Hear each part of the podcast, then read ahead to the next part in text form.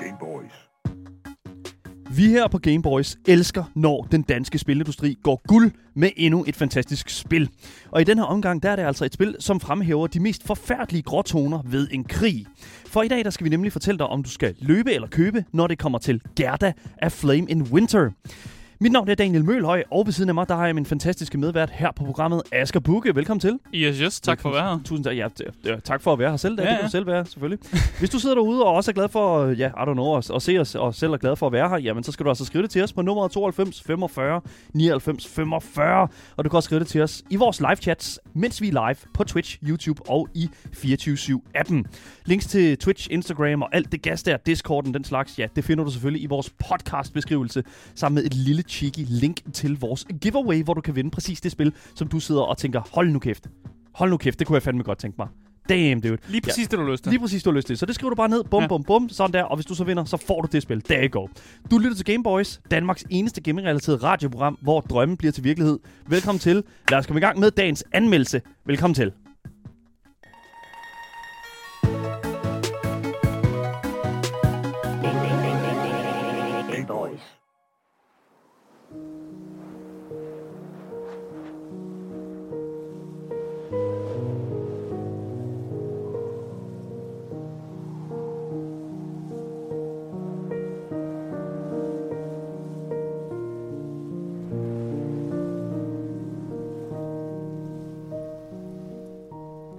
Året er 1945, og Danmark har ikke kun haft en forfærdelig og hård vinter.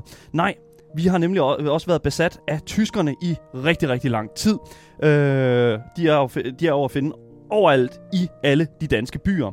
Og en af de byer, ja, det er altså den sønderjyske by Tinglev, som på rigtig, rigtig mange måder kunne omtales både som tysk, selv inden nazisterne invaderede Danmark, og samtidig også selvfølgelig dansk.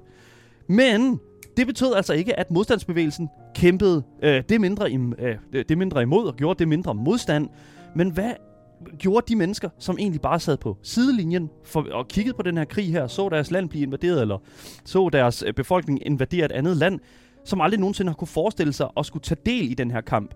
Det er præcis det, som vi skal finde ud af i dag, når vi anmelder det dansk producerede og historisk spil, selvfølgelig Gerda af Flame in Winter.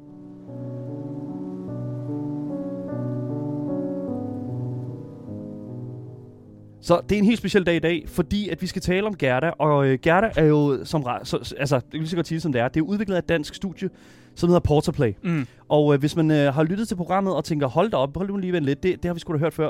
Yes, så er det altså fordi, at vi har haft ingen ringer end deres, hvad hedder det nu, sådan, hvad kan man sige, Porterplays, sådan øh, head boy, altså sådan CEO, Hans Mm. von Knut, herinde i programmet, for simpelthen at tale omkring det at arbejde sammen med Don't Not, som er spillets udvikler, øh, undskyld, udgiver, Udgiver, ja, udgiver, ja. ja, udgiver.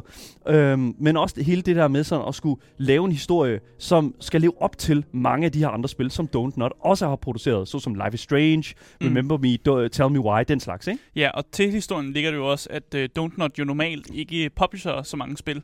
De er jo normalt udgi- øh, udgiver Ja. øh, eller udviklere af spil, og i, i, i den her øh, instance, så har de valgt ligesom at udgive et spil. Mm. Og det er ligesom en rejse, som de er begyndt på, at de vil også øh, til at samle nogle mindre indie-studier op, som de føler ligesom også fortæller nogle gode historier, som Mm. Don't Not også ligesom kan øh, komme bagved.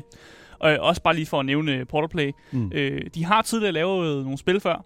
De har lavet et spil, der hedder Broken Lines, Ja. som også er et, øh, et andet verdenskrigsspil i en lidt sådan alternativ sådan setting, kan man vist godt sige det. Og de har også lavet et spil, der hedder Tales from the Void. Det skal vi ikke snakke om. Det tror jeg heller ikke, Hans von Knudt vil have, vi snakker om. det, det, det er ikke så super godt. øh, men de har selvfølgelig også lavet en hel masse samarbejder med museer og forskellige virksomheder i og øh, i Danmark Mm. mm. generelt. Og jeg så, at en af de store øh, virksomheder, som de samarbejder tit med, det er DR. Det er Danmarks Radio. Ja, de laver ret mange af sådan nogle små øh, spil for, for DR, og forskellige interaktive, sådan, det ved jeg ikke, om kalde dem happenings for DR. Ja, lige Så præcis. det er en, der er store kunder også. Og det er derfor, at det er så interessant at kigge på sådan et spil som Gerda af Flame in Winter, fordi det her nu netop er en første for rigtig, rigtig mange mennesker. Altså, det er det første helt vildt store spil, som Portaplay laver, og det er det første spil, som, øh, ved nu, Don't Not reelt set går ud og er udgiver på. Mm. Og det er derfor, at jeg synes, at, øh, at, at jeg sådan set øh, er, er virkelig glad for at se det her samarbejde, fordi for det første, jeg er enormt stor Don't Not-fan. Mm. Øh, vi, øh, og, og det kunne man også have, man, det ved man, hvis man har lyttet til alle andre øh,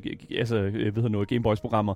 Øh, vi taler om Life is Strange næsten hver eneste dag her på programmet, og det er bare sådan, det kan vi ikke komme udenom. Ja. Øh, og, og det er også derfor, at, at, at for, for det første, jeg var super glad for, at vi fik muligheden for at tale med dem ned til Gamescom for eksempel. Mm. Og det er også derfor, at jeg er super glad for, at vi fik lov til at tale med Hans dernede, øh, som vi også øh, fik mulighed for at optage det interview med. Mm. Øhm, og vi kommer til at høre brudstykker af den øh, optagelse i løbet af dagens program, hvor vi selvfølgelig skal tale om alle mulige forskellige ting i forbindelse med det her spil her, Gerda af Flame Winter. Vi skal tale om, øh, hvad hedder det nu, øh, gameplay. Øh, vi skal tale omkring sådan, narrativet i spillet selvfølgelig, og det visuelle og lydmæssige design. Mm. Og så skal vi selvfølgelig til sidst fortælle folk, om man skal løbe eller købe, når det kommer til det her spil her. Så hvis ikke man ved, hvordan og hvorledes øh, det her spil her det hænger sammen, så er det altså et narrativ-heavy drama, sådan choice-baseret valg. Ja. Øh, s- spil hedder det. Sådan lidt choose your own adventure-agtigt. Ja, og, altså, og det, er jo en, det er jo sådan en genganger, som vi ser meget fra, øh, fra Don't Nots andre spil. Ikke? Altså sådan, hvis det er et Don't Not-spil, så handler det om valg, og så Mm. handler det om at skulle stå til ansvar for de valg, du Ja, tager. det har altid den her tag, der hedder meningsfulde valg. Ja, lige På præcis. Steam, Ja, ja. ja lige præcis. og, det, og det er jo et eller andet sted, det er fucking fedt at se det komme tilbage, også selvom at det spillet her måske er lidt en combo breaker for, vi har set, hvad, hvad vi har set før fra, fra jeg ved nu, Don't Not, fordi at normalt er det jo sådan, de her sådan meget sådan, altså, øh, igen, Life is Strange er jo en ting, det her third person, vi, se- vi sådan, hvad kan man sige, øh, går bag karakteren og er meget sådan up in your face og ser meget de her sådan, øh, ser de her sådan virkelig sådan næsten filmiske Mm. sådan, øh, Cutscenes og cutscenes ja. hedder det, ja lige præcis. Ja. Men i Gerda af Flame uh, Winter, der ser du det sådan oppefra. Mm. Du ser sådan spillet nærmest som sådan et lille, når du går rundt i hus, så er det sådan lidt sådan dukkehusagtigt. Øhm, Ja, og det føles også lidt som om, du skal kigge ind på sådan et oliemaleri. Ja. Mere end, øh, end at du kigger i, i bag ved en karakter eller noget. Det er mere sådan, åh, nu kigger på et levende maleri. Ja, lige præcis. Og det er jo det, som jeg synes, der er så fucking fedt, øh, at, at de ligesom siger, fuck it, vi, vi har, Portal Play har en idé her, lad os prøve at se, hvordan vi får vores sådan identitet ned i det. Mm. Og det synes jeg jo er super interessant, når øh, stu- to studier går sammen og prøver at se, om de kan få hinanden til at pressere frem. Så jeg synes, det er virkelig fedt. Men om det er sy- øh, blevet en succes, ja, det finder vi altså ud af, øh, når vi lige så stille begynder at bevæge os igennem den her, øh, den her anmeldelse her. Øh, Gerda og Flame Winter ligger på PC, øh, mere lokalt på Steam, Mm. til en normal pris på 149 kroner. Lige nu er det godt nok øh, på tilbud øh, til her resten af, øh, øh, hvad hedder det nu her, til den 8. hedder det. Ja, øhm, så man det skal ligger være til- hurtig. Man skal være hurtig, ja, men ellers så, det ligger til, på tilbud til 134 kroner. Øhm, det er samme pris på den anden platform, som det ligger på. Det ligger på Switch, og har også et tilbud lige nu. Men altså, jeg vil, jeg vil sige sådan, selv 149-134 kroner, vi er stadig den gyldne indie-pris. Mm. Øh, og det synes jeg er super fint. Det er en, en okay pris. Men jeg synes sådan set bare, at vi skal komme ind i, hvad er det helt præcis, øh, det her spil, det, Gerda, af- Gerda af Flaming Winter, egentlig går ud på. Og der har vi faktisk, øh, nu, der, der, det har jeg faktisk ikke lyst til at sidde og snakke om, fordi hvem er bedre til at tale om det? Så er det ikke en særlig god anmeldelse, Nej, så hvis du ikke har lyst til at snakke om det. Men hvem er, sige. hvem er bedre til at tale om det, end spillets øh, sådan, skaber selv, en af i hvert fald en af dem, skaber selv, nemlig Hans von Knut. Han gav nemlig en lille, øh, lille rundown af, hvad Gerda af Flaming Winter egentlig går ud på. Det synes jeg, skal høre her. Det er fra Gamescom, så der er en lille smule baggrundsstøj, men sådan er det. Men øh, prøv at se, om I kan høre hans stemme alligevel. Jeg lover, det er det hele værd. Hej alle sammen, jeg er Hans von Knud Skovfod. Jeg er spilinstruktør i Portaplay, og vi har lavet Gerda af Flaming Winter, der kommer ud 1. september på PC og Switch. Øh, Gerda er et spil om en halv dansk, halv tysk kvinde, som lever i Sønderjylland, i den hyggelige lille by Tinglev, nær ved den tyske grænse. Og hun lever i krigens sidste måneder, en helt normal tilværelse. Hun dukker hovedet, håber bare, det hele er snart over, og blander sig ikke for meget i politik. Øh, hun er halvt dansk og er halvt tysk, så hun er jo lidt i klemme mellem de forskellige sider af konflikten, som, som ikke helt er gode venner. Hverken generelt i Danmark, men specielt ikke i det område, som jo er, er halvvejs tysk og halvvejs dansk og har skiftet hænder et par gange gennem historien. Øhm, men så sker der jo det, at, at, at der er en fra i, af hendes nære, som kommer i kløerne på Gestapo.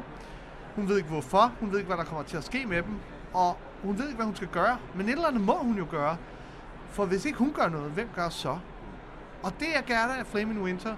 Et spil, som ligesom sætter dig i skoene på en helt normal person. En civilist i en krig. En, en, en ikke-held. Øh, en, der ikke kan gå ud med, med laserpistoler og bomber og, og klare sig igennem tilværelsen på den måde, men må bruge andre midler. Man er simpelthen nødt til at bruge andre midler, når man bare er en, hvad kan man sige, tilskuer til det, der er så forfærdeligt, som netop en enormt stor krig. Ja, i hvert fald hvis du ikke har, som sagt, ikke har adgang til laserpistoler, eller bare sådan normal våben generelt. Hvis du bare er en civilist, som Ja. ikke er i militæret, så skal man ligesom klare sig på nogle andre måder. Præcis. Og det er derfor, at jeg sådan set synes, at vi skal gå ind i det øh, element af Gerda af Flaming øh, Winter, de aspekter, som netop er det, man tager brug af, og ikke er på, øh, de her bomber her, nemlig det, der hedder gameplay i Gerda af Flame in Winter.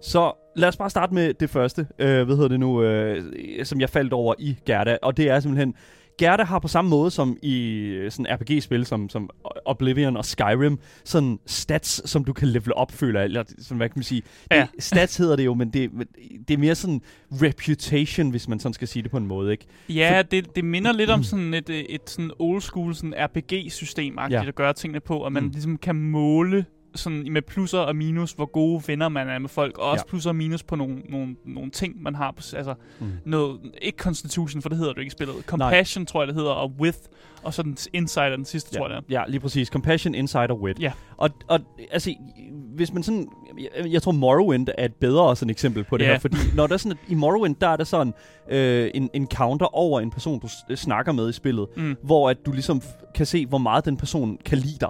Mm. Og det, og det synes jeg jo for det første er virkelig, virkelig fedt, øh, fordi så ved du, hvad du har, med, har at gøre med. Ja, ja. Og det er det samme i Gerda af Flame Winter, fordi der har du ligesom sådan øh, tre instanser, som du ligesom skal holde øje med. Du har dine egne stats, Mm. som øh, er, sådan, er mere sådan er en currency, som du optjener hvis, ved at gøre ting i spillet, men også ved at, ligesom at, øh, hvad hedder det nu, at skrive din dagbog efter hvert kapitel, Mm. så har du ligesom mulighed for at, øh, for ligesom at Og give dig selv boost i give dig selv ting, et boost i nogle ting, som du synes er... inter- Du ved ikke helt præcis, hvad det er, du giver dig selv boosts i, Mm. når du vælger øh, en af de her sådan tre, øh, hvad hedder det, en af de her tre ting her. Men 100%, øh, hvis det er sådan, at du sådan, øh, du får ligesom, okay, du får ligesom det her sådan rundown af, hvad der er sket i det kapitel, Mm. og så får du ligesom selv mulighed for at sætte en kommentar på, sådan ligesom dit præg i den her dagbog, som Gerda sidder og skriver i, næsten sådan Anne Franks, øh, ved du nu, dagbog-agtigt, Ja, ikke? det, det giver Gerda noget personlighed, og det Ja. giver også øh, spilleren en mulighed for ligesom at forme Gerda på den måde, man gerne vil have hende til at være på. Ja. Og så på den måde giver det ligesom nogle stats i de ting, man også føler er mere sådan Ja. passer til, hvem Gerda er som person. Og den currency, altså Compassion, Insight og Wit, det kan du så bruge i løbet af dit gameplay, hvor du sådan snakker med folk, hvor du ligesom kan komme med et indspark. For eksempel, hvis du har nogle point i Wit, så kan du, øh, hvad hedder det nu, øh, så kan du komme med en lille snak i kommentar, eller Mm. øh, du kan være, være en, Gerda kan være en lille smule sådan, øh, ved du det nu, hey, øh, du er vist ikke så øh, stor i skoene, som du står og siger, ikke? Og, så, og, det er jo det, og det er jo sådan en ting, som, som er med til at gøre Gerda til den karakter, hun er. Mm. Hun er, hun er sat op af rigtig mange ting, og hele det her system her, gør rigtig meget, at du har mulighed for at selv ligesom sætte det op på en eller anden måde Mm. igennem dit gameplay. En anden ting, som øh, hvad hedder det nu, øh, der ligesom også er til stede af sådan gameplay-elementer her, det er den der, sådan, som jeg sagde før, reputation. Fordi igennem spillet, så møder du en masse folk, som er affilieret med enten modstandsbevægelsen, eller øh, de, den invaderende styrke, mm. eller hvad hedder det nu, whatever, bare sådan generelt danskerne og generelt tyskerne. Mm. Og når du interagerer med folk i Tinglev, den her by her, spillet foregår i, ja, altså så er der, så er der jo forskellige sådan måder, hvorpå at du øh, kan komme øh, op og ned i de her sådan reputations, kan man næsten sige. Ikke? Mm. Altså, du, du, du, du, hvis det er sådan, at du for eksempel vil opnå noget, øh, for eksempel vil overtale nogen til noget, så er det rigtig godt at være på, da, være på den person, øh, som de, være på den side, som de også er. Ja. Den side, de ligesom også er på, ikke? Præcis, så hvis du har hjulpet øh, tyskerne en masse, så kan det være, at øh, de nazister, som måske også befinder sig i byen, måske er mere tilbøjelige til at hjælpe dig, fordi du, hey, du har hjulpet nogle tyskere, og vi, hey, vi er jo også tyskere. Hey, we, we're the Germans! ja, lige præcis. du, du kan da godt få et eller andet her, så. Ja, lige præcis. Og det synes jeg er super nice, fordi at du har en, øh, du, du har ligesom altid sådan, du ved altid, hvor du er. Mm. Du ved altid, hvor du står over for, altså de mennesker, som du taler med. Og øh, spillet er også sindssygt god til at, sådan at fortælle dig, hvem de her karakterer er, og hvem de er Må sådan semi-affilieret med rent sådan, i hvert fald nationalt. Mm, må jeg spørge, om, om, øh, om, om det gjorde noget godt for dig, eller om du måske hellere vil have, at det var mere gemt. Fordi ofte så er det jo selvfølgelig, vi har snakket om, at øh, hvis man spiller et, øh, et gammelt øh, Elder Scrolls-spil, sådan noget, mm. så viser den dig, om hvor god ven du er med folk. Ja. Men nogle gange kan det også være en hindring, fordi så gør det jo netop, at du, du manager spillet som sådan lidt et, et, et, sådan et spil, du skal sådan kigge på nogle stats, og så gør du, hvad statsene siger, du skal gøre, i stedet for egentlig bare at go with the flow på en eller anden måde. Ja, jeg ved det godt. Men jeg tror simpelthen, at for at du kan holde styr på, altså for at du kan holde styr på, hvor, hvor altså i hvilken retning, som dit gameplay er på Mm. vej til at tage, så tror jeg faktisk, at det er ret godt, at du har et visuelt cue til at, ligesom at sætte dig, altså sådan, sætte, sætte dig lidt i sådan, alright, jeg er her, Ja, så man ikke glemmer, at man måske har hjulpet tyskerne ret meget, og så man tror, om nu kan jeg bare gå over og spørge nogle danskere om hjælp. Ja. Og, Fordi jeg tror, det kan Ja. komme meget hurtigt bag på, bag på dig, hvor slemt, eller altså, hvor meget du har været i den ene eller den anden halvdel. Mm. Det kunne selvfølgelig være en ting, som kunne bidrage meget til, at ja, sådan var det altså også, når man talte med tyskere, øh, eller whatever, ikke? Altså Mm. sådan, det, det var en usynlig sådan reputation, som fandt sted, og det er jo, men igen, det, det, hvis vi snakker gameplay, så er vi også bare nødt til ligesom et eller andet sted at give spilleren en fucking chance for, Ja. fordi, øh, for at følge med, fordi at du, du, du står ikke i Tingliv, du står ikke og kan mærke de der øjne i nakken der Nej. på samme måde, som jeg tror, en, en virkelig gærter ville gøre det. mm, jamen, jeg kan godt forstå det, at man så hellere vil måske øh, kunne, kunne putte nogle stats på, så man lettere kan holde øje med, hvad der foregår. Jeg tror bare, det er lettere. Det er fair nok, det er Ja. fair nok, men det er bare, det var et spørgsmål, om man måske hellere ville have haft, haft den gemt på en eller anden måde. Ja, det, jeg kan godt se, hvad du mener, men det, men det er bare sådan en ting, som jeg tror, at det, det simpelthen bare har været gjort for at gøre det nemmere for spilleren. Ja. Men en anden ting, som der også er, og det er et ekstra e- element af det her reputation, det er jo, at hvor det ene reputation, det ligesom øh, omhandler sådan de mere store sådan, øh, Grupperinger, ja. grupperinger nærmest, altså sådan danskerne og, og tyskerne og øh, ved modstandsbevægelsen og, og nazisterne, så har du også sådan din individuelle reputation. Så når du står over for en anden person, så har du også sådan et tal, mm. som ligesom indikerer for, hvor meget den person stoler på dig, og hvor meget tillid den person har til dig. Mm. Øhm, og det, det står ligesom anført igennem sådan et tal, og det kan altså komme i minus, hvilket er selvfølgelig... Øh, Ja, så er folk ikke så stoler ikke så meget på dig, og synes måske ikke så godt om, godt om dig. Lige præcis. Og, og, og det er bare sådan, hvad kan man sige, øh, lidt ærgerligt, når man møder en person, og det starter i 0, og det er sådan, du tager en beslutning, du siger en ting til dem, og så er det bare sådan, minus 1. Og, og, så, Åh, og, og, fuck. og så minus 2. jeg og så minus 2. Ja, og, det er sådan det, og, og det er jo det, hvor en spiller, altså det, det hjælper ligesom spilleren med sådan at forstå, Mm. okay, Det jeg er i gang med lige nu, det pisser den anden person af. men det hjælper Ja. også en lille smule med at forstå sådan, alright, jeg er i det her playthrough. Ja. Altså, jeg er i den her version af spillet.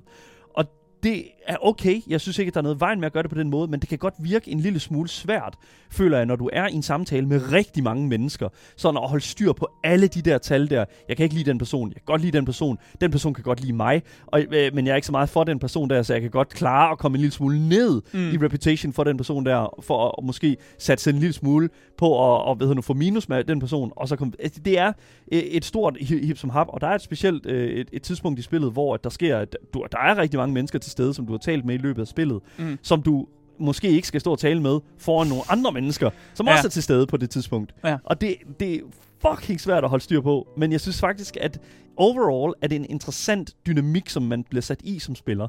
Og Gerda er vanvittigt kløgtig, fordi øh, Gerda har sin, øh, hvad hedder det nu, øh, har jo sin, hvad kan man sige, sine egne ord, som du sådan set bare vælger Mm. øh, igennem de her choices her, eller de her sådan, øh, ord, man bruger, ligesom i for eksempel Ma- Mass Effect er et godt eksempel. Men hvor- hun er en ja. handlekraftig dame, er det det, du prøver at sige? Hun er en handlekraftig dame, hvis du spiller hende som en handlekraftig dame. Ja, okay. Det er hun, fordi at, at Gerda kan både være en meget passiv, øh, intet, altså sådan øh, meget stille pige, Mm. men hun kan fandme en dame, men hun kan sagt dernede med også godt, altså komme til at træde, altså både Gestapo over fødderne, og også, øh, hvad hedder det nu, øh, hendes egen kæreste endda også, altså sådan, det, det er helt vildt, hvor vanvittigt, altså sådan forskelligt, man kan spille den her hovedperson. Mm. Og det synes jeg er vanvittigt nice, når man tænker på, at for eksempel et spil som Life is Strange, som også er udgivet af Don't Not, hvor man spiller som Max Caulfield i etteren. Mm. Altså Max, hun er Max, føler jeg. Du Ja. kan ikke spille Max. Der er tænkt en, en retning for, hvordan hun Ja. skal være som person. Ja, og lige her præcis. der er det mere spilleren, der får lov at lægge en personlighed ned over, ned over Gerda. Ja, lige præcis. Og det øh, fungerer sindssygt godt. Jeg synes, at det er, hvad hedder det nu, øh, øh, jeg, jeg synes også, at det kan være en lille smule, smule overvældende. Mm. Fordi at man skal, man skal lige falde ind i, hvem man, hvem, hvem man er som Gerda, eller Mm. hvem, hvem du er. Sådan, jeg skal Hvem sige, du har lyst til at være. Hvor er Gerda inde i mig? Ja. og, Ja. det, og, det, og det tager lidt tid, og heldigvis så er spillet, øh, hvad hedder det nu, øh, god til at, ligesom at lave en god introduktion, hvor du ligesom øh, får mulighed for ligesom at prøve kræfter en lille smule med, hvad, hvad hvad hedder det nu, Gerda har af potentiale, personligt mm. potentiale og den slags. Det er helt fint, det fungerer godt, jeg kan godt lide det.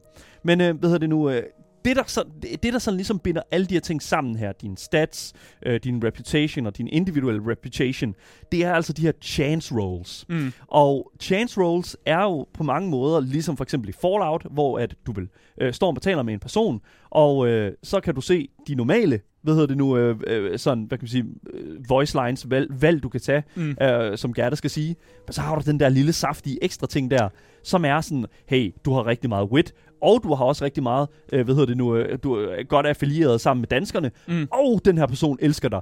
Så det her, det her valg her, det kan du tage, fordi at du simpelthen har, hvad hedder det nu, så gode Du stats. har nogle kriterier. Du har nogle rigtig gode kriterier. Ja. Så du kan tage sådan en chance roll, og så står der i det her chance roll, øh, at, øh, ved, om hvorvidt det er very easy eller meget let til øh, næsten umuligt. Mm. Og det bestemmer jo sådan en lille smule, hvad procenterne er for, hvor, hvor succesfuldt det her valg ja. bliver. Det er Ikke? sådan klassisk RPG-agtigt, hvor Ja. for eksempel siger, at du har 80% chance for at rulle en successful roll mod den her person, og så kan du rulle terningen og sige, jamen det, den chance tager jeg, fordi Ja. det, den siger, at det var god. Men jeg er nødt til at sige, det her det er simpelthen for usynligt. Ja. Det her er simpelthen... At tage de her valg her, altså, der står very easy, men fuck, hvor har jeg fejlet mange very easy fucking det er bare øh, dårlig chance RNG. rolls. Det er ikke godt, og det, hvis du har noget, der hedder very easy, så skal det være, altså, det skal være en, en, øh, en gang hver fuldmåne, at du øh, får, at det fejler på det. Og sådan var det altså ikke for mig. Det var, jeg, jeg, jeg var super uheldig, men jeg kan forstå det. Så Asger, du har også prøvet, altså du har også set det ske. Være, Ja, jeg har set det ske, at min, øh, min kæreste simpelthen, hun, det er hende, der sidder og spiller Gerda derhjemme, Ja. og hun har simpelthen, øh, der er så mange karakterer, der er blevet i hendes playthrough, hvor hun simpelthen sidder og tager sig til hovedet, fordi at de der very easy rull øh, åbenbart ikke er gået hendes vej. Mm, Og så er det jo sådan noget med, at så, så, så ser man, men det er very easy, det tager jeg bare, og så er der folk, der bliver skudt, ja. fordi man fejler alligevel. Ja, jeg, jeg ved det ikke. Altså, jeg, jeg, synes, jeg synes, det er super fedt. Jeg kan godt lide det, fordi det, det skaber også en lille smule, vi talte om det før, inden vi gik på, at det er jo det sådan, altså, du er også bare en fucking almindelig dansk-tysk kvinde. Ja. Altså, du, du kan jo ikke stå og, og overtale en Gestapo, øh, hvad hedder det nu, officer omkring, at de ikke skal henrette nogen, bare fordi du har øh, rigtig god affiliering øh, med, med whatever, whoever. Hey, jeg gerne lad være med at hindre folk. Jeg er protagonisten. Lyt til mig. Ja. Og det synes jeg et eller andet sted, det, det, det, altså... Der er sådan noget lidt Game of Thrones-agtigt over det. var jeg skulle lige det, til du at sige, mig mig det, ja. bare gå full Game of Thrones på det. det altså, du er bare en normal civilian. Det, du, du har ikke det f- sådan store sådan overblik over, øh, hvad hedder det nu, den fulde sådan, til situation. Og så har du sådan, der kan man sige, måske en lille smule indvirkning, og så kan det være, du er heldig. Mm. Men jeg vil bare sige, der er altså for mange, der dør på det. Og det er oh, ja, for mange ja, ja, karakterer. Det, er- jeg, det var også det, jeg så i min kæreste. Hun, hun sad oh, og var decideret vred, da Ja. hun sluttede spillet af, fordi det var sådan, øh, der var mange karakterer, der var gået bort. Det var bare så fucking ærgerligt til sidst. Men det er jo sådan, det er, selv vi. Sådan kan vi ikke lave om på det. Det er virkeligheden. Mm. Men jeg må sige, det er intet ringere end interessant den måde, som, øh, hvad kan man sige, Don't Porter Play og Don't Not har altså formået at gøre det på den her måde her, når det kommer til altså sådan choices og sådan øh, vægten af Mm. dine valg og, og, øh, og, og selvfølgelig øh, alle de andre ting, som vi kender typisk fra de her sådan, øh, hvad hedder nu, type øh, sådan choice-baserede spil.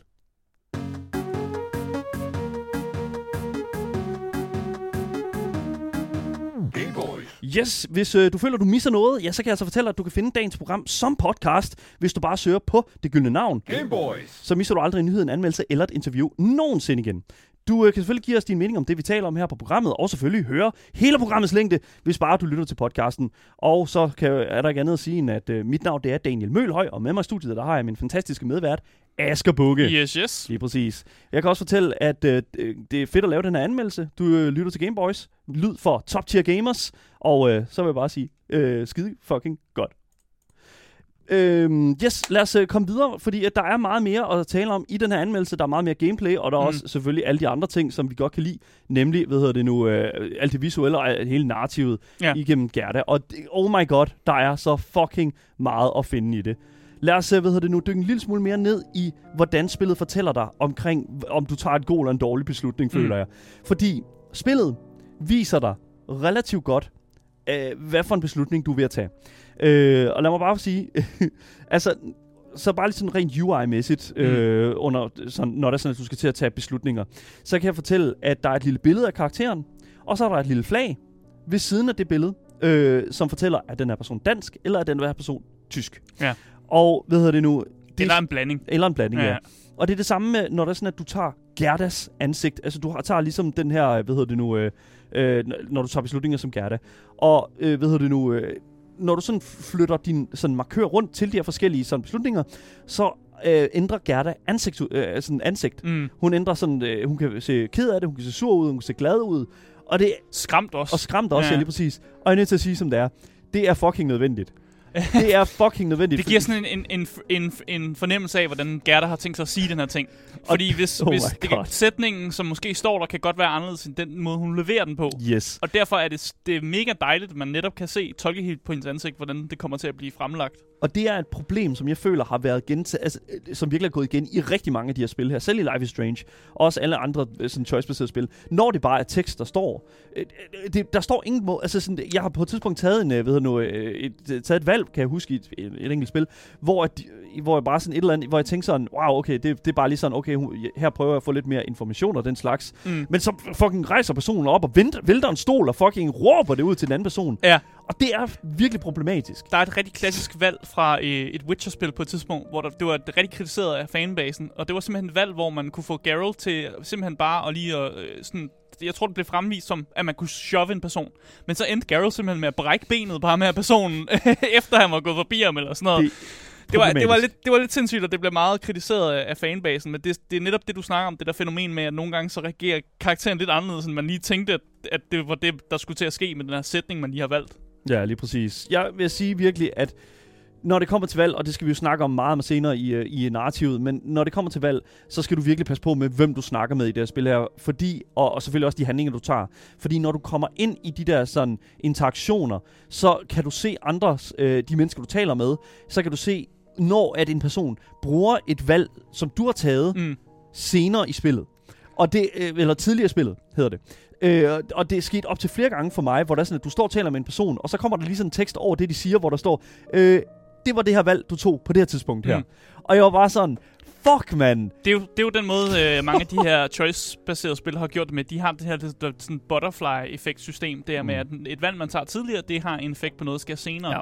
Og så er det også meget fedt, at spillet lige viser dig, det var det her valg, du tog før, som nu er kommet tilbage for ligesom at håndte dig, eller måske hjælper dig også, i, hvis det er en anden sammenhæng. Ja, lige præcis. Altså, jeg, jeg ved det ikke, altså, jeg er virkelig, virkelig glad for, at de har, øh, at de i hvert fald har formået at, altså Portaplay, at lave det på en succesfuld måde, det her med sådan ligesom, at fø- du får det, får det til at føle, at din valg betyder noget. Mm. Igen, det skal vi tale om lidt senere. Men jeg gerne vil tale om lige nu, det er i forhold til hele tidslinjen igennem Gerda af Flame in Winter. Fordi, så, kan man sige, når at du ligesom lever øh, igennem den her historie her, som Mm. foregår over øh, et par dage i, i den her verden her, øh, tilbage i 1945, så har du ligesom sådan nogle sådan, hvad kan man sige, tidslommer, som du ligesom har mulighed for at tage nogle beslutninger i, hvor Gerda skal bevæge sig hen i Tingliv. Mm. Du har sådan et øh, overview, du har sådan et view fra toppen af Tingliv, øh, hvor du kan se hele byen, Mm. og så har du sådan en mulighed, for, øh, hvis dagen starter ud sådan ved en 11-tiden, tror jeg, og så vil du sige, øh, så får du en mulighed for ligesom at sådan, øh, der er ved nu, øh, kirken, her er Gestapo-kontoret, øh, her er øh, skoven, og så får du ligesom mulighed for at bruge øh, ved nu, et tidsspænd derude, Ja. øh, på, eller på det, på det spot, du ligesom vælger der. Det minder om alle JRPG'er, der findes derude. Der har man også altid sådan nogle valg med, jeg kan huske Persona, så er der altid sådan, hvor, hvor vil du bruge din formiddag henne, hvor vil Ja. du bruge din noon henne, og hvor vil du bruge din evening, og så har du også lige noget øh, night activity, du kan lave og sådan noget. Det, det er sådan en klassisk måde at gøre det på. Men det betyder også, at du kan misse en masse ting, så man skal virkelig... Også klassisk JRPG. Lige præcis. Man skal virkelig være meget eftertænksom og huske, hvad, hvad, hvad man egentlig har lovet folk, og hvor man har, hvornår man har lovet folk at være et sted. Mm. Fordi det er virkelig fucking nederen. Og øh, lige komme til at vælge, ej, jeg går hen på markedspladsen, hvor du selvfølgelig har, så har du så lovet en Gestapo-officer at mødes med dem på kontoret. Mm. Og så dukker du ikke op. Det er ikke så godt. Det er ikke så godt. Nej. Og, og det er jo sådan en ting, som man skal holde, holde styr på. Og det er også det, som jeg synes, eller i hvert fald kan tænke mig til, har været fucking svært at arbejde på som udvikler et eller andet sted. At man, at man ligesom har skulle tage alle de her, fordi der er sådan, jeg tror, der er tre tidslommer i løbet af en dag. Jeg tror, det er fra 11, så er det fra 1, og så er det sådan fra om, om eftermiddagen. Mm. øhm, hvor du ligesom har mulighed for at gøre forskellige ting. Nogle ting kan du ikke komme tilbage til, efter du har, øh, har valgt ikke at tage et sted hen. Så man skal ligesom finde ud af, okay, hvad vil man prioritere her? Mm.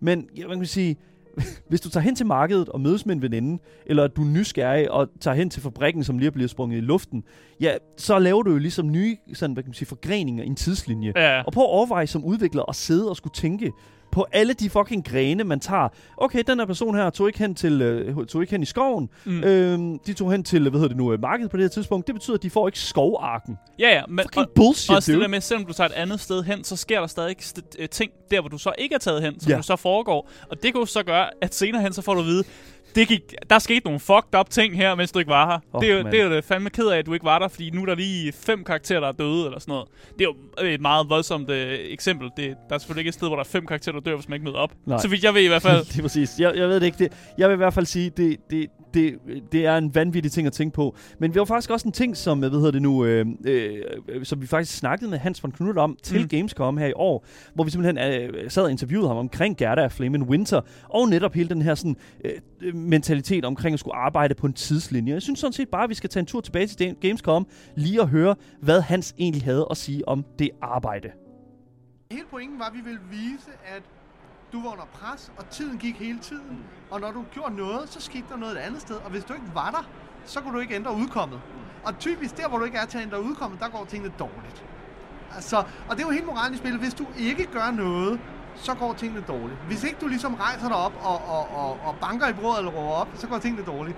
Men, men når du så forsøger at gøre noget, kan det selvfølgelig også gå dårligt, hvis du ikke handler så smart. Øh, og du kan ikke nå at redde alle. Øh, og, og, for, og for at løse det, så gik vi ligesom ind og sagde, øh, vi bliver nødt til at gribe det her an lidt ligesom en tv-serie faktisk. Øhm, og, og der tog vi simpelthen og sagde, jamen alle de historier, der er i spillet, alle de storylines, alle de, de små forgreninger og karakterer, der tegnede vi på et stort kort, hvad de forskellige øh, karakterer, du møder, lavede de forskellige dage, i forhold til at nå deres mål i slutningen af spillet. Øh, og så kunne vi ligesom mappe det ud på nogle lokationer. om så er ham her på den her lokation på det her tidspunkt og gør det, og hende her på den her lokation på det her tidspunkt og gør det. Og så tog vi simpelthen øh, de lokationer, de dage sagde, her, her om, om lørdagen, så kan du nå at besøge de her to steder ud af de her fire steder, hvor nogle af de her forskellige karakterer er der. Og hvis du så kun tager og, og, og besøger de her to lokationer, det vil sige, så kan du måske hjælpe Reinhardt og Liva, men du kan ikke hjælpe den jødiske mor og hendes datter, øh, og du kan måske ikke hjælpe øh, øh, Torben. Og det vil sige, at næste gang du så møder nogle af de her karakterer, så vil de enten være glade for, at du hjalp dem, eller de vil være ked af det og skuffet over, at du ikke var der til at hjælpe dem. Og din chance for så at hjælpe de personer senere vil være mindre. Øh, der er for eksempel en historie om, om den jødiske mor og hendes datter, som er flygtet fra Tyskland og nu er kommet til Danmark, og, og du kan forsøge, så forsøge at, at redde dem til Sverige af forskellige måder. Men, men hvis ikke du ligesom sørger for at hjælpe dem med jævne mellemrum, så vil dine chancer for at redde dem til sidst selvfølgelig være meget mindre. Både fordi de ikke stoler på dig, du har ikke været der for dem, men også fordi, at du ikke har hjulpet med nogle helt konkrete praktiske ting, som de bliver nødt til at gøre for at forberede deres flugt til, til øh, Sverige. Mm. Øhm, så det her med, med at lave det her store kort over, hvordan alle de forskellige plotlinjer ligesom blander sig sammen, og så bagefter sørge for, at vi så husker at sige, oh, og når du så kommer derhen, så hvis du ikke har været der, så ved du ikke, at ham her har gjort det. Så skal vi lige huske, at så, at så give dig en speciel lille dialog med, at han så forklarer, hvad det var, der skete, sådan, så er du bare lidt med, ikke? Øh, øh, der, det var der selvfølgelig rigtig stort arbejde i. Ja. Og vi vil også være ærlige at sige, at, at da vi var sådan godt på vej til at være, være et godt stykke hen med spillet, og havde, havde alle de store brikker på plads, så fandt vi også igen og igen steder, hvor jamen, hvis du så gør A først, og C, og så derefter B, så er der noget, han siger, der ikke giver mening, og så må vi ligesom ind og skrive om og lave sådan nogle logik, hvor vi siger, ah, så siger han det her i stedet for det her, Ja. for, for det giver mening, og for at du forstår, hvad der, er, der sker. Hans von Knut, Game Director hos Porta Play, som er øh, studiet, der står bag spillet, vi anmelder i dag, Gerda af Flame in Winter. Så øh, for det første, jeg elsker at høre hans snak omkring det her, fordi man kan Mm. høre, hvor fucking besværligt det har været at arbejde med det. Ja. Man kan virkelig høre, hvor svært det er at forklare helt præcist, hvor stort arbejdet egentlig har været. Ja, men man kan også høre noget passion. Ja. Og jeg elsker at høre øh, især indie developers øh, snak om en passion, de har for et spil, som, som de har været med til at præge sådan Mm. næsten personligt. Og det kan man faktisk høre, øh, når Hans von Knut han, øh, han fortæller om det. Ja. Og det, det er bare rart. Det, Det jeg kan virkelig- godt lide det. Det varmer om hjertet. Fordi, godt. Eller, ja, men det er også det, altså sådan, indie-udviklere altså, øh, vil for evigt altid bare være de mest passionerede udviklere, Ja. føler jeg. Ja, Men, men, men, men bare lige for sådan at, at, at, at bringe det ind også, så, så vil jeg sige, altså hele den der, sådan, det der overview der, nu siger han selv, at, at det der med, at hvis du tager et valg øh, om at tage hen på markedet, i stedet for at tage ud i skoven, så sker der nok formentligvis noget negativt mm. ude i skoven for historien. Og det synes jeg faktisk er en lille smule øh, farligt for et, et, et, en udvikler, og sådan at tage en beslutning om, at det er sådan, det er. Fordi Mm. det er nemlig netop det, som man føler som spiller. Og når du... Føler du, du bliver bunket meget om i hovedet? Jeg, nej, det der med det, det er, at jeg føler virkelig, at det er, det er øh, den følelse, man har, når man øh, sidder og skal tage et valg om at tage tre steder hen på det her map her. Mm. Og øh, så tage den beslutning om, yes, jeg tager hen til markedet i stedet for skoven. Så føler jeg indvendigt, at ja, så sker der noget negativt ude i skoven, som jeg ikke var med til at kunne hjælpe til at gøre en bedre, Mm. øh, gøre til en bedre situation. Nu skal det dog lige siges, at jeg var så dårlig til det spil her, at det havde nok ikke været bedre. det er bare så, hvad det er. Men, men, men, men jeg vil sige, at, at det er en lille smule skræmmende faktisk, fordi at, at blive bekræftet i, at det var sådan, det hang sammen. Mm. Fordi at, altså, man føler sig en lille smule defeated. Ja, Jeg føler, altså, jeg, jeg jeg vil føler sige, at jeg fejler. lige præcis defeated og sådan øh, og nedslået var faktisk også en følelse, jeg opdagede med min kæreste, når hun tog øh, nogle valg der spil. Mm. Og, og jeg, jeg havde en fornemmelse på, at det var et spil, der måske bonkede dig lidt for meget i hovedet, når du tog en beslutning. Ja.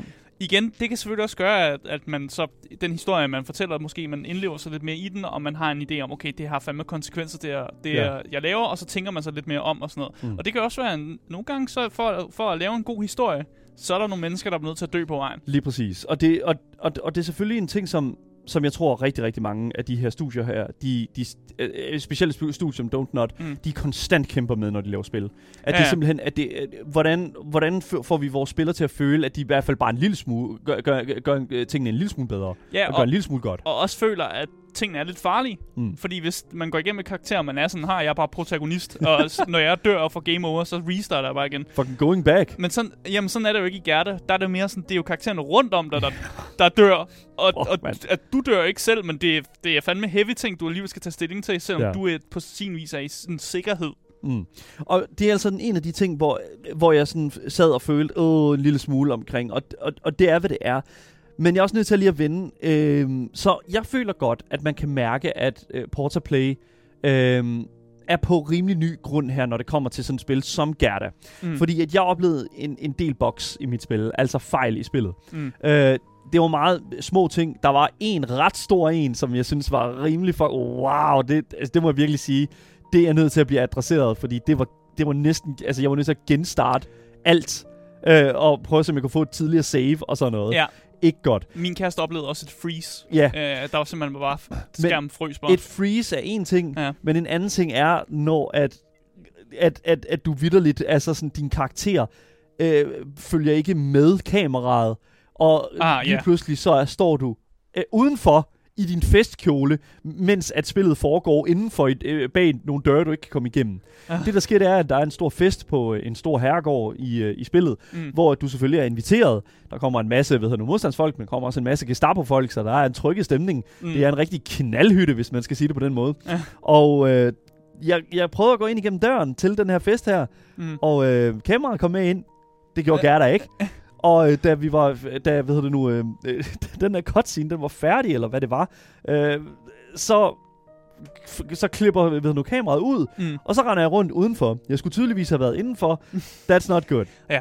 That is not... Jeg ved ikke, hvordan det skete, og jeg, jeg kan ikke forstå det. Jeg øh, prøvede at genstarte, øh, starte stadig udenfor, og så startede jeg en, øh, hvad hedder det, så fandt jeg en tidligere save, som jeg så brugte, og så fungerede det. Mm. Men fuck, hvor er det nederen. Ja. Det var seriøst ikke cool, man. That sucked so much. Men en ting er box, og det er jo noget, man kan patche. Og Ja. man må jo også håbe på, at det bliver patchet. Ja, fordi en anden ting, det er jo også, og det er også en ting, jeg føler skal patches, og det er, at det her spil her, det kan også spilles på dansk. Øhm, det er jo et dansk spil, og derfor har man jo selvfølgelig også valgt, at øh, dele af spillet skal kunne spilles på dansk. Mm. Øhm, eller i hvert fald hele spillet. Og øh, det kan du også sagtens, alle det nu, øh, prompter og sådan noget bliver oversat til dansk. Men øh, altså, I'm sorry to say, Porterplay, you need to comb through this. I er nødt til lige at gå igennem den danske tekst, fordi jeg er ked af at sige det, men det hele var simpelthen, en, altså det hele var fyldt med stavefejl. Mm. Og et tydeligt tegn på, at det er lavet i et automatisk oversættelses øh, så, stykke software. Det er der ikke nogen skam i. Det gør vi også selv her på Gameboys for at oversætte lange, øh, lange stykker tekst, øh, så udtalelser fra spilstudier og den slags. Mm. Det kan man godt, men man er nødt til at gå igennem Man går lige igennem. Yes, og det kunne man have meget hurtigt opdaget i en testingfase. Øhm, det er meget tydeligt, at spillet er lavet på engelsk, og øhm, det var faktisk super, super frustrerende, fordi der var rigtig meget af den øh, danske dialog, som var fyldt med stavefejl. Mm. Øhm, det er en ting, som er igen ret nem at fikse ved at gå igennem det 600 siders øh, hvad hedder det Nu, Manuskript. øh, manuskript. Uh, Øh, sådan er det. Øh, det må man jo gøre for ligesom at fikse problemet. Men altså, det, var rigtig slemt. Mm. det var rigtig, rigtig slemt. Øhm, Udover det, Ellers så så... kan du gå igennem hele spillet og lave en liste over alle stavefejlene, og så bare sende dem til Porterplay, og så kan de ligesom rette det. Yes. Det tror jeg, de sætter meget pris på. Det tror jeg, ja, det vil de sætte rigtig meget pris på, blandt andet fordi de ikke har betalt mig for at gøre det. Så det er 100... Nej, det, det er bare sådan lige sådan til Porterplay derude. Det, det skal I lige kigge på, fordi det hvad hedder nu, øh, altså, det er jo væsentligt mindre andel af jeres spillere, som selvfølgelig oplever det. Men jeg tror, at fordi det er et dansk produceret spil, så tror jeg, at der er mange danskere, der prøver at spille det på dansk og opdager det, og desværre bliver en lille smule skuffet. Mm. Så det skal man ligesom tænke over på den Jeg ved måde. heller ikke, om der er andre sprog i spillet. Det kan være, det er et problem, der også opstår, hvis man spiller det, jeg ved ikke, på polsk. Hvis der er polsk i spillet, jeg ved det ikke. Jeg ved det heller ikke. Jeg, jeg spillede det på dansk. Eller men, tysk, eller jeg ved ikke. den slags. Men Ja. uanset hvad, så vil jeg sige, there you go. Gameplay er super solidt. Det er selvfølgelig øh, en mindre del af spillet, fordi at den helt store del af øh, Gerda af Flaming Winter, det er selvfølgelig narrativet, og det synes jeg sådan set, at vi skal kigge på nu.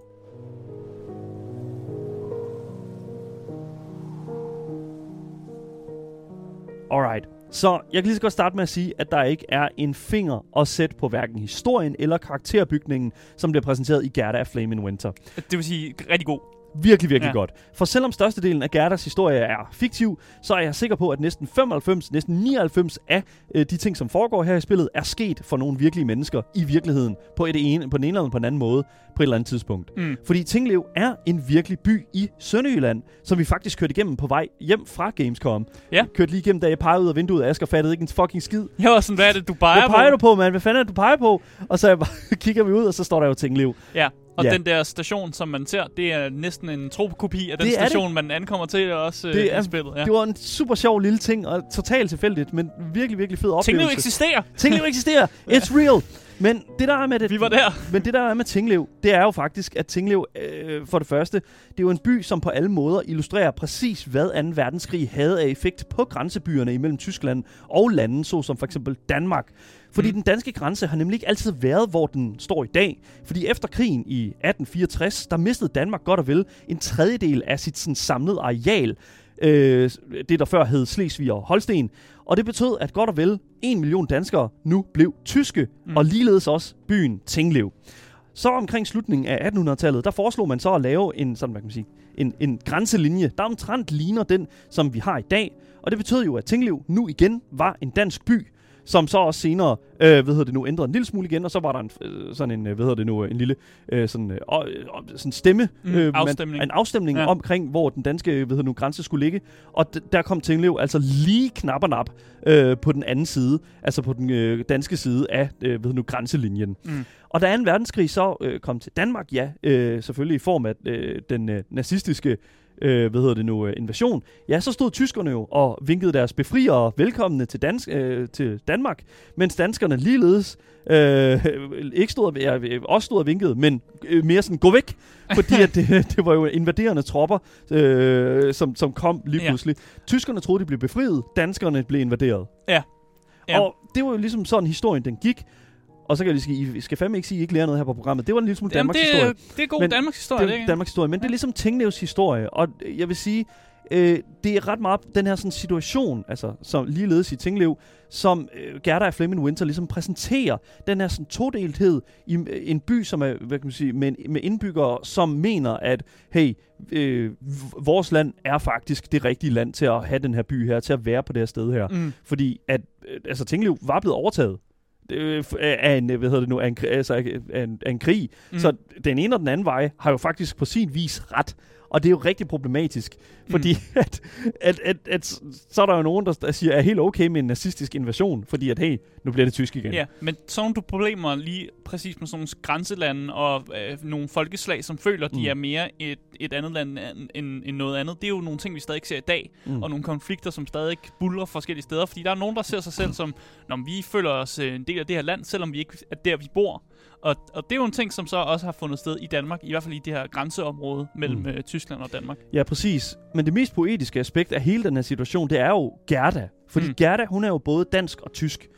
Øh, hvor hendes øh, mor er dansk, og hendes far, Dieter, er tysk. Mm. Øhm, og hun er jo ligesom symbolet på den her krise her med hendes sådan røde tørklæde. Altså sådan den, jeg tror, tørklædet er sådan symbolet på krigen. Mm. Og så hendes øh, store overfrakke, som hun har på, når hun går rundt ude sådan i, i sneen og sådan noget. Det er sådan den der sådan, du ved, øh, hvad kan man sige, modstand imod sådan vinteren og den. Mm. slags der, ikke?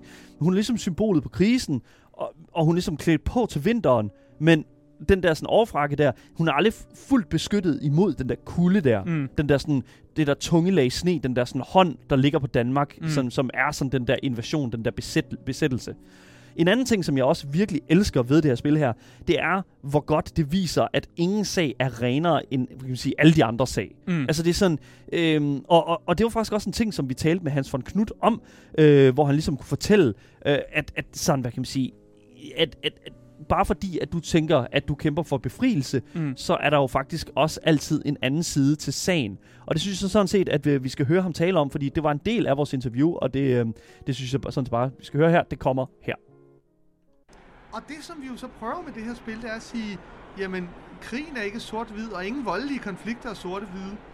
Og, og generelt i det virkelige liv er der rigtig mange nuancer, som man skal tænke på. For eksempel noget så simpelt som, jamen, hvis du godt vil redde en, du elsker, i, som er i kløerne på nogen, og du så skal ty til kriminalitet for at gøre det, måske endda kriminalitet mod nogle af dine medmennesker, som du godt kan lide, hvor går grænsen så?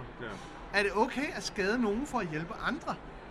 Er det okay at, at støtte kriminelle for at selv overleve i, en- i en, en tid med, med mangelvarer?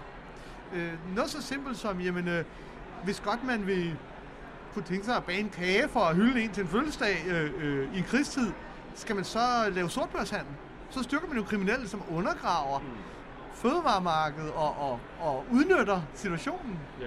Eller skal man tage et job hos en, der samarbejder med besættelsesmagten?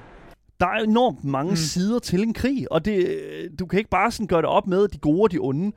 Øh, Altså, det er sådan nazisterne mod øh, modstandsbevægelsen. Det er ikke Mm. sådan, det handler. Det er ikke sådan, det foregår. Fordi at, altså, øh, hvad kan man sige, sortbørshandel, som også, øh, hvad hedder det nu, øh, øh, som, som øh, Hans han også snakker om her, det var jo en ting, som kom også i forbindelse med at handle med tyskerne og. Mm. og den slags. Og det er jo, hvem støtter du egentlig igennem det?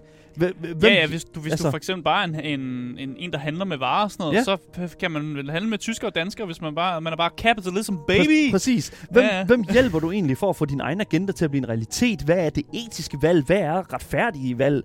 Mm. Hvad, er et, hvad er de valg, du tager baseret på sådan dine følelser? Altså sådan, er det okay at slå et barn ihjel i sådan modstandsbevægelsens navn, bare fordi barnet er tysk, og øh, hvad hedder nu, øh, øh, faren er, hvad hedder det nu, er nazist? Mm. Altså, er det okay at tage imod bestikkelse for at hjælpe øh, nazisterne, fordi du absolut intet selv har? Altså, det er sådan, der er jo nogle, der er jo nogle aspekter mm. Mm. her, hvor man er nødt til at sådan, wow, okay, fuck man, valgene. What, how, do I, how do I fucking choose mm. this? Det, det stikker dybere. Det stikker meget dybere, og det som nok kan høre, så er det jo mange valg i det her spil her, som man skal forholde sig til. Om det er jo også rigtig godt, for det virker ja. som om, at der ikke er nogen valg, som er 100% det rigtige valg. Mm. Og det er jo Nej. altid fedt, at, at spillet kan være sådan, at det, det er en ting, som man simpelthen, det kan man sidde og have filosofiske debatter over i lang tid, hvis Ja, man har ja. lyst til det. Det er jo det. Men, men ligesom andre sådan valgbaserede sådan don't not spil og den slags der, så, hvad hedder det nu, øh, så føler jeg virkelig i øh, Gerda Flaming Winter, at både historien øh, og gameplayet, der ligger i at tage de her valg her, faktisk øh, fletter sig rimelig godt ind i hinanden mm. Og bliver ultimativt virkelig, virkelig veludført. Specielt i kulminationen af historien. Altså det er virkelig, holy shit, mand. Og øh, uden at sige for meget sådan, så kan man sige, at, at til sidst, så får man på sådan en god don't not maner øh, sådan et overblik over, hvad andre folk, de ligesom har taget af beslutninger. Også sådan, hvis man kender Telltale og den slags der. Man ligesom mm. Mm. får sådan nogle procenter, sådan, okay, 90% af folk, de er reddet den her person, whatever. Og det synes jeg ærligt talt, det er fucking great to see. Jeg elsker det, fordi for mig, så er det en ting, der kan være med til at fremme et nyt playthrough. Mm. Fordi, at jeg jo vidderligt opdager andre, sådan, hvad kan man sige, grene til spillets historie, som jeg personligt ikke fik set, fordi at jeg, I don't know, fucking valgte at tage et par piller ned i min lomme, og, øh, hvad kan man sige, butterfly-effekten Mm. udviklede så et andet spil, som øh, øh, for den person, som øh, ikke tog de piller. Så det, det, du siger nu, det er, at spillet faktisk har noget replayability, er det, du siger? 100 procent. Fordi, fordi, ja, spillet, fordi spillets historie er, jeg tror ultimativt, så ender du de samme steder, Mm. men jeg tror, at i det store hele, så er det, så det er vejen derhen, som kan være simpelthen så modsat. Altså, Mm. du kan, der er to sider selvfølgelig. Den modstandsbevægelsen, og øh, jeg vil faktisk sige, der er tre sider. Der er modstandsbevægelsen, der er nazisterne, og så er der Gerda. Mm. altså, det er sådan Gerdas egen agenda. Ja, Øhm, men det er sjovt, du siger det med replayability, fordi det var noget, min, mig og min kæreste også snakkede om, og hun sagde, at hun ville ikke spille Gerda igennem. Ja. Det, det er ikke noget, hun, hun, hun havde lyst til, eller noget, som hun følte, hun behøvede at gøre. Nej, men, men, men, og jeg kan godt forstå, at hun siger det, men jeg tror virkelig, at når man finder ud af, hvor mange mennesker man egentlig kan redde, så vil jeg sige... Så laver man det der så- perfect run, eller så hvad? vil det, jamen, jeg, jeg vil bare synes, det kunne være fucking fedt at lave det perfect run. Ja, Fordi at, at, at det findes ikke. det, jeg, I don't Jeg know, tror ikke, det man. findes. Der er en masse mennesker, man kan redde i det her spil Jamen, jeg her. tror ikke, det And findes. I didn't do it. Ja, ja, I didn't do it the well, perfect bro. run doesn't exist. It, it, mm, I don't know. Jeg tror ikke på det. Jeg synes, det er fedt, og jeg synes, narrativet i Gerda of Flaming Winter er simpelthen altså, mesterligt udført. Det er tydeligt at se, at der er blevet brugt rigtig, rigtig meget energi på at lave research, og at lave rigtig, rigtig meget, hvad hedder det nu, øh, øh, his, øh, sådan historisk... Øh, hvad skal man sige, sådan en historisk korrekthed, når det kommer både til personerne, når det kommer til byen, når det kommer til sådan atmosfæren Mm. og, og sådan, hvad kan man sige, omgivelserne omkring Tinglev. Altså, mm. det er fandme med godt gjort. Og også bare alle karaktererne, bare for at nævne et par stykker. Altså ham her, Jakob Pastoren her, som man, øh, som man snakker med, som ligesom man finder ud af, er en større del af, af, af større samsurium, og øh, folk, der måske øh, ikke er, hvem de siger, de egentlig er hen ad vejen, mm. og sådan, hvor du selv måske skal strukturere tingene sammen øh, sådan hen ad vejen. Det er virkelig, virkelig, altså fucking quality stuff. 100%. Gerda, det er virkelig, altså Gerda, du er en, du er en hård, hård, øh, hård øh, hvad hedder det nu, øh, hård, dag, hård madame, og ja, det, var en, det har været en kæmpe stor fornøjelse at, hvad hedder det at spille som hende, vil jeg sige. Ja. 100%. Jeg vil sige, lad os gå videre til, øh, hvad hedder det nu, det visuelle og lydmæssige design, mm. øh, fordi der er rigtig meget af det i Gerda af Flame in Winter.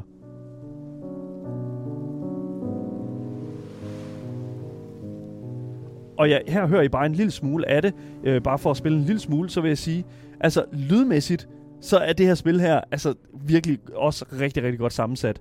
Du har konstant den her sådan, ja, jeg ved ikke, altså sådan, den, det, Soberhed. sådan, ja, men også den her sådan konstant underliggende sådan blæsen, som, men, som om, at man sidder inde i en hytte, hvor det sådan er koldt vinter udenfor, Mm. men det er varmt indenfor, den slags der. Man føler sådan, at man sidder under et tæppe ved siden af sådan en varm kamin, og det er rigtig god ASMR, hvis man er til sådan noget. Sådan, åh, det, det kilder helt de rigtige Ja. steder. Og nu, den jeg kan også der. se på det gameplay, vi har jo, at man kan også godt altid se blæsten. Ja. Altså, den er altid en konstant. Men jeg vil jo næsten, du kan se blæsten, men det er mere fordi, du kan se sådan fyningen af det sne, der ligger på jorden. Ja, Ja. Ikke? Altså sådan, det der meget lette sne, som sådan danser øh, hen over, hvad hedder det nu, øh, hen over jorden. Mm. Og det er simpelthen så fucking fantastisk at se på.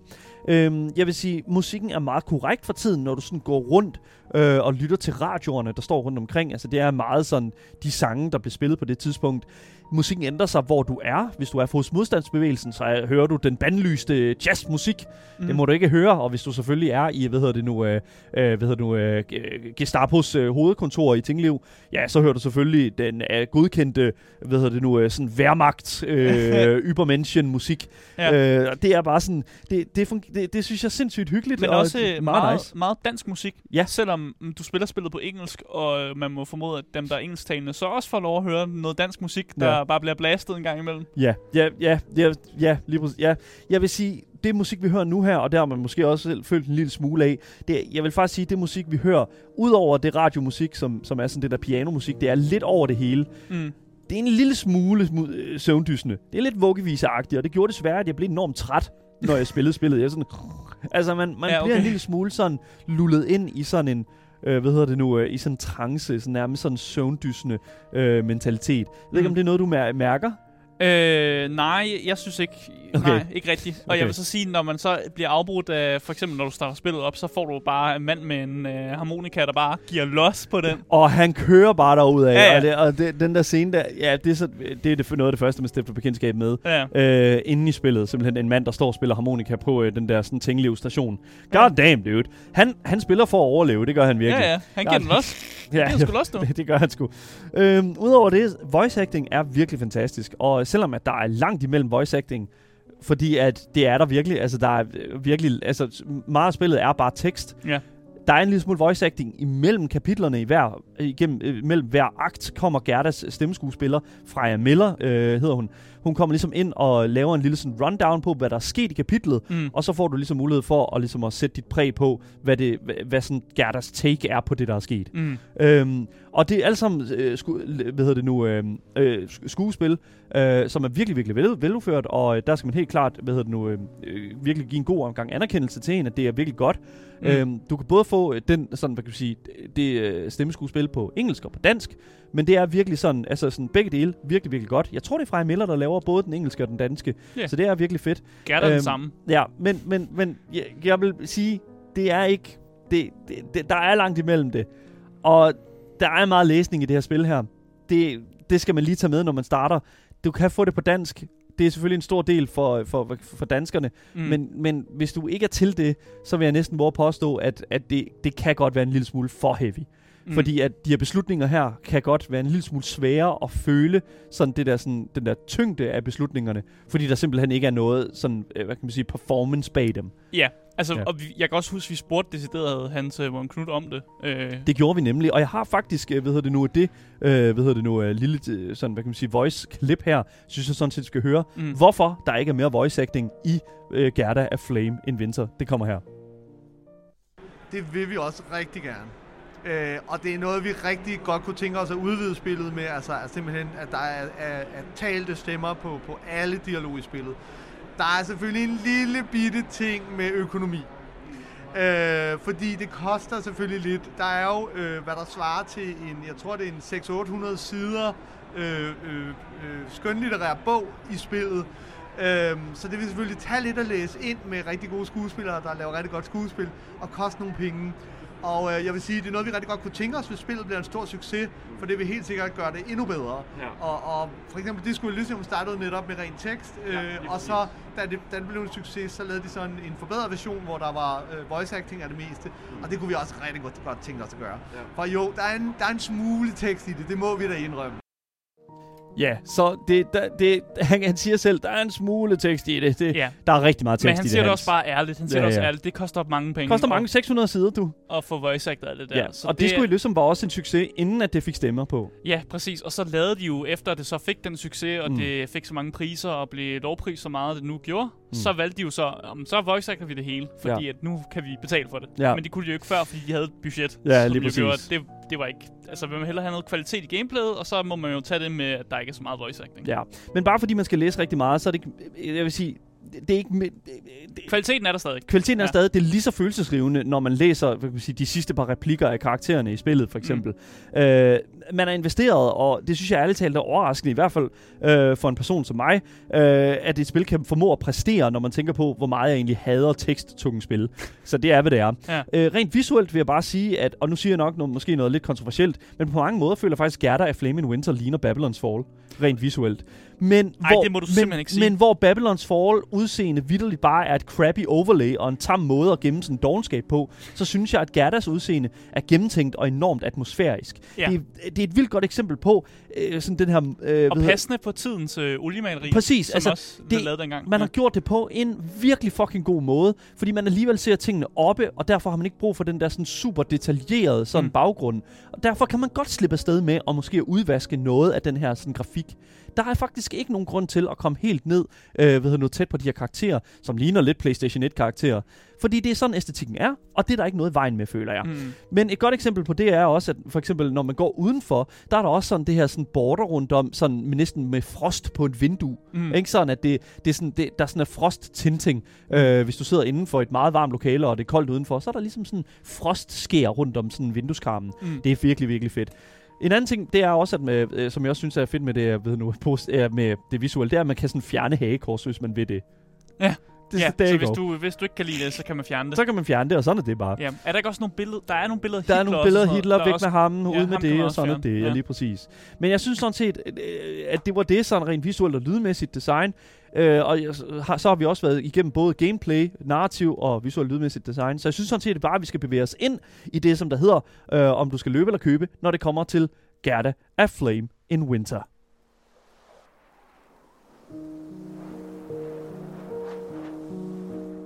Så jeg føler, at hvis du er fan af den her type fortællinger, som for eksempel Telltale eller hvad kan man sige, de andre Don't Not spil, de faciliterer, så synes jeg 100% at Gerda simpelthen er intet mindre end et must-play. Hvis du er, godt kan lide den måde, som fortællinger bliver fortalt på, så er Gerda præcis up your alley. Det er et lille vindue ind til en tid et, i, og et sted i Danmark, som er sådan, hvad kan man sige, øh, for, har forholdt sig relativt usynligt, fordi at mange bare forsøgte ligesom at komme videre efter krigen. Mm. Gerda har solid gameplay, men det outshines meget hurtigt af narrativet og den verden, som de mange karakterer i spillet huser. Det er hvad kan man sige, ikke et spil for alle, fordi pacingen er relativt langsom, og atmosfæren kan godt af og til gå hen og blive en kende tung øh, med sådan det her mørke landskab og den her sådan søvndysende musik, som der kører under næsten hver eneste scene. Men når, når der er action, så er der fandme med action. Og alle de her valgbaserede sådan, outcomes er, hvad kan man sige, hver eneste minut værd. Øh, for når du taber, så føler du virkelig, at du taber. Lad mig bare sige det på den måde. Og når du vinder, så... Ja, og, ja, well, Ja. ja. ja, det er sådan, det er. Du, I don't know. For, du start, nazisterne er der stadig, selvom du vinder, så det hvad kan man Ja. sige. Sådan er det jo. Og det er derfor, jeg faktisk overall vil sige, at Gerda af Flame in Winter er 100% et køb værd for alle mennesker derude. Det ligger til en pris på 100 og øh, et, et sted mellem 40 kroner, er sådan øh, i gennemsnit 146 kroner, både på Steam mm. og på Switch. Jeg købte det, fordi det er virkelig en god historie, og det er, øh, hvad kan man sige, også, øh, det har været en kæmpe stor fornøjelse at anmelde det og spille det, fordi det her spil øh, var selvfølgelig også givet til os, selvfølgelig af Portaplay selv, så øh, det siger vi selvfølgelig stor tak til, og det har været en stor fornøjelse at, øh, hvad hedder det nu, at komme igennem spillet på den måde der.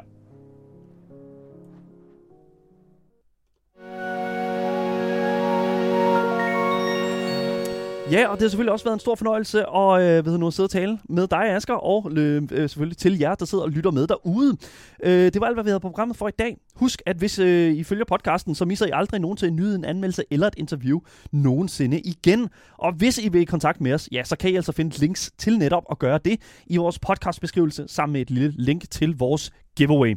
Mit navn er Daniel Mølhøj, og med mig i studiet, der har jeg haft Asger Bukke. Yes, yes. Vi er tilbage igen i morgen med meget mere gaming og meget mere Gameboys til jer, der er derude og er top tier gamers. Vi ses alle sammen. Hej hej.